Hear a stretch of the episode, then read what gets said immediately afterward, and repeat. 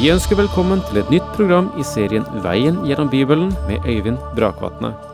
Denne studieserien er produsert av P7 Kristen Riksradio og bygger på serien Through the Bible av Vernon McGee. I dag fortsetter vi med gjennomgangen av Tredje Mosebok,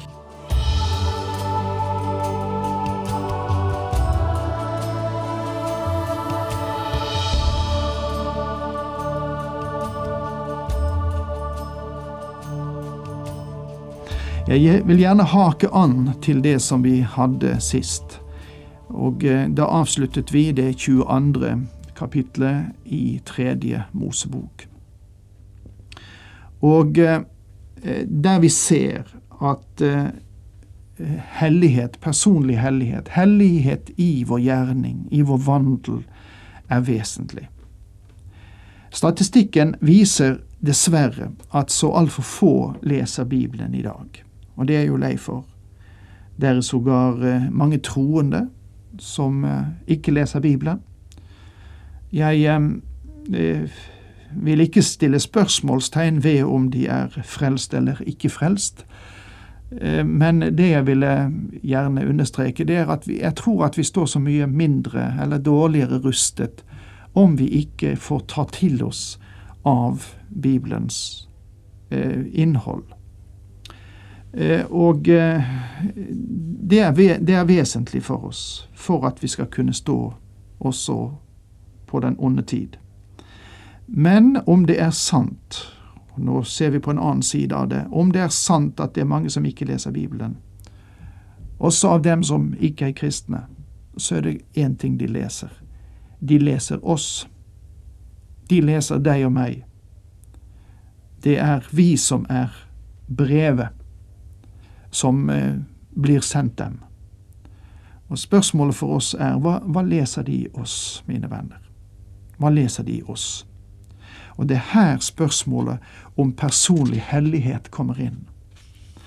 Det, det, er ikke noe jeg kan opptre med som sånn proforma eller fremmed. Jeg kan ikke isolere en religiøs del i meg og si at dette er det religiøse, resten bryr jeg meg ikke om. Hele vårt liv skal understreke og bekrefte at vi har funnet nåde. Vi har fått hjelp.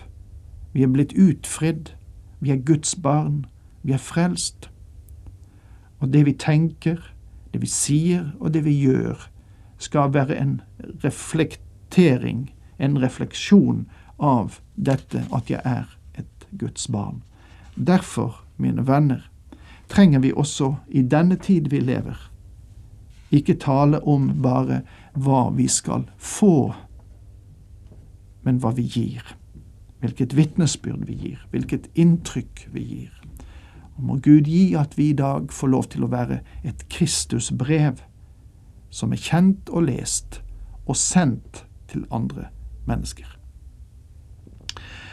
Nå vel, nå skynder vi oss tilbake igjen til tredje Mosebok, og vi er i kapittel 23 og nå kommer vi til en ny fase. Nå har vi sett på prestene, de to siste kapitlene, at eh, deres holdning og deres personlige forhold, det måtte stå til det lyteløse offeret som ble brakt frem. Og nå kommer vi til en ny fase, som angår de hellige festene, de store høytidene. Og det er noe av Guds kalender kanskje til, til alle tider, om vi ser det fra den siden. Og dette 23. kapittel er et bemerkelsesverdig kapittel om Guds store høytider. De hellige festdagene var gledesdager. Bare ved den ene var det sorg og bot, og det gjaldt den store forsoningsdagen. De andre høytidene vellet over av glede og takksigelse. Der er tider da det er rett at Guds folk gråter for Herrens åsyn.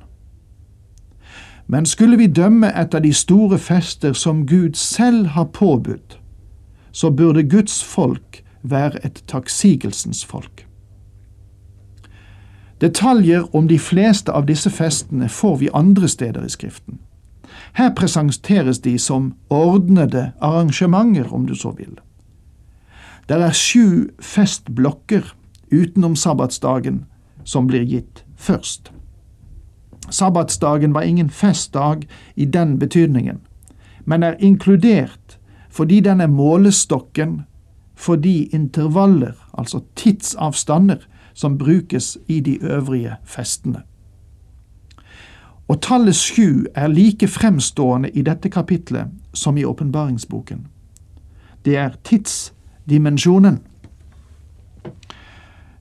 Sabbatsdagen er den sjuende dagen. Der er sju høytider. Pinse er fest etter den sjuende uke. Den sjuende nye måned med den etterfølgende forsoningsdagen og tempelfesten er forlagt til den sjuende måned. I det 25. kapitlet får vi anledning til å se mer på sabbatsåret og jubelåret, begge deler avpasset til sjutallet. Det usyrede brøds høytid varte i sju dager, og tempelfesten varte i sju dager. Disse hellige samlinger tjente minst to hensikter. En praktisk hensikt og en profetisk hensikt. På det praktiske plan hadde de både en sosial og en kommersiell hensikt. De førte de tolv stammene sammen i tilbedelse og fellesskap. Og alle menn hadde krav på seg om å dra til Jerusalem for å tilbe ved tre anledninger – ved påskefesten, pinsefesten og tempelfesten eller løvhyttefesten. Det siste kan du lese om i 5. Mosebok kapittel 16 vers 16. Du kan forstå at dette hadde en enhetsskapende virkning for nasjonen, og knyttet stammene sammen. Folk kom fra alle deler av riket, og de utvekslet ideer, og de kjøpte og de solgte. At man overså disse forordninger, var en vesentlig årsak til delingen av nasjonen i Nord- og Sørriket senere, og det vil vi vel komme tilbake til eh, et godt stykke her frem på veien gjennom Bibelen.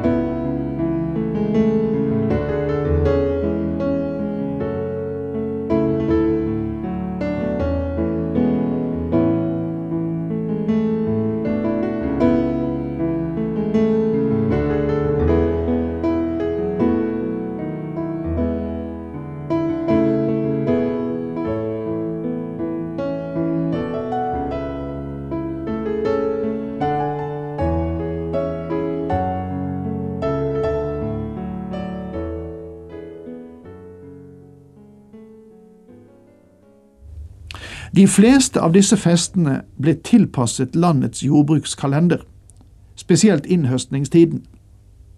Og dette kom spesielt til uttrykk i fester som angikk å bære frem førstegrøden ved pinsefesten og løvhyttehøytiden. Dette var med å gjøre tilbedelsen av Jehova til noe som angikk hele folket der de var, på åkeren, i vingården eller ved fikenodlingene. Takken til Gud ble knyttet sammen med folkets daglige gjerning. Svetten og slitet ble hellig og opphøyd. Den primære hensikten for disse festene lå i det profetiske bildet som festene bærer bud om til alle tider. Hver av disse høytidene har fått, eller vil få, en fullbyrdelse i sin tid. De fleste er oppfylt, og det vil vi peke på etter hvert som vi skriver fremover. Vi skal fremdeles ha respekt for høytidene og ta vare på dem, men fra én side sett har Kristus fullbyrdet dem, slik at vi ikke er bundet til dager og tider som det gamle Israel. Så la da ingen dømme dere for det dere spiser eller drikker, skriver Paulus i Kolosserbrevet 2, versene 16-17, og så fortsetter han slik. Eller når det gjelder høytider, nymånedag eller sabbat. Alt dette er bare et skyggebilde av det som skulle komme, men legeme er Kristi legeme. Jeg burde kanskje nevne at ikke alle høytidsdager og ordninger knyttet til dem er inkludert i dette kapitlet. Sabbatsåret og jubelåret finner vi i kapittel 25 og nymånehøytiden i Fjerde Mosebok 28, versene 11 til 15. Men nå til det som kapittel 23 inneholder. For det første omhandles den hellige høytid sabbaten i de første tre vers. Deretter så kommer den hellige høytid påsken, versene fire til fem. Og så kommer den hellige høytiden med usyret brød i versene seks til åtte. Deretter følger den hellige høytid ved førstegrøden, versene 9 til 14. Så kommer den hellige høytid ved pinse, vers 15 til 22. Og så som det sjette, den hellige høytiden for trompetene, vil jeg gjerne kalle den, versene 23 til 25. Og så den syvende delen av kapitlet her er den hellige høytiden ved den store forsoningsdagen, versene 26 til 32. Og så avsluttes kapitlet med den hellige høytiden ved løvhyttefesten, eller tempelfesten, versene 33 til 44. La oss nå se litt på de store høytider og sabbaten. Og vi leser fra vers 1 i Tredje Mosebok, kapittel 23. Herren talte til Moses og sa, Si til israelittene, dette er Herrens høytider, mine fastsatte tider, da dere skal lyse ut hellige samlinger. I seks dager skal dere arbeide, men den sjuende dagen skal være full hviledag med hellig samling. Da må dere ikke gjøre noe arbeid. Det skal være sabbat for Herren alle steder hvor dere bor. Ettersom vi går gjennom denne boken, så vil du sikkert legge merke til at Gud retter sine forordninger til bestemte mennesker, og det er vel å legge merke til hvem han retter sine instrukser til. Han informerer Moses som lovgiveren. I sin tur vender han seg til folket. Selv om festene vil involvere tabernaklet, så blir prestene ikke spesielt nevnt. Folket skulle komme sammen, og festene skulle legges inn i Israels årskalender. Hver av de hellige høytider hadde sitt særpreg og sitt siktepunkt. Guds profetiske handling med denne verden i tiden ble gitt her. Hver av høytidene var typisk for en stor hendelse i Guds program for verden. Og der må vi slutte. Takk for nå, Herren med deg.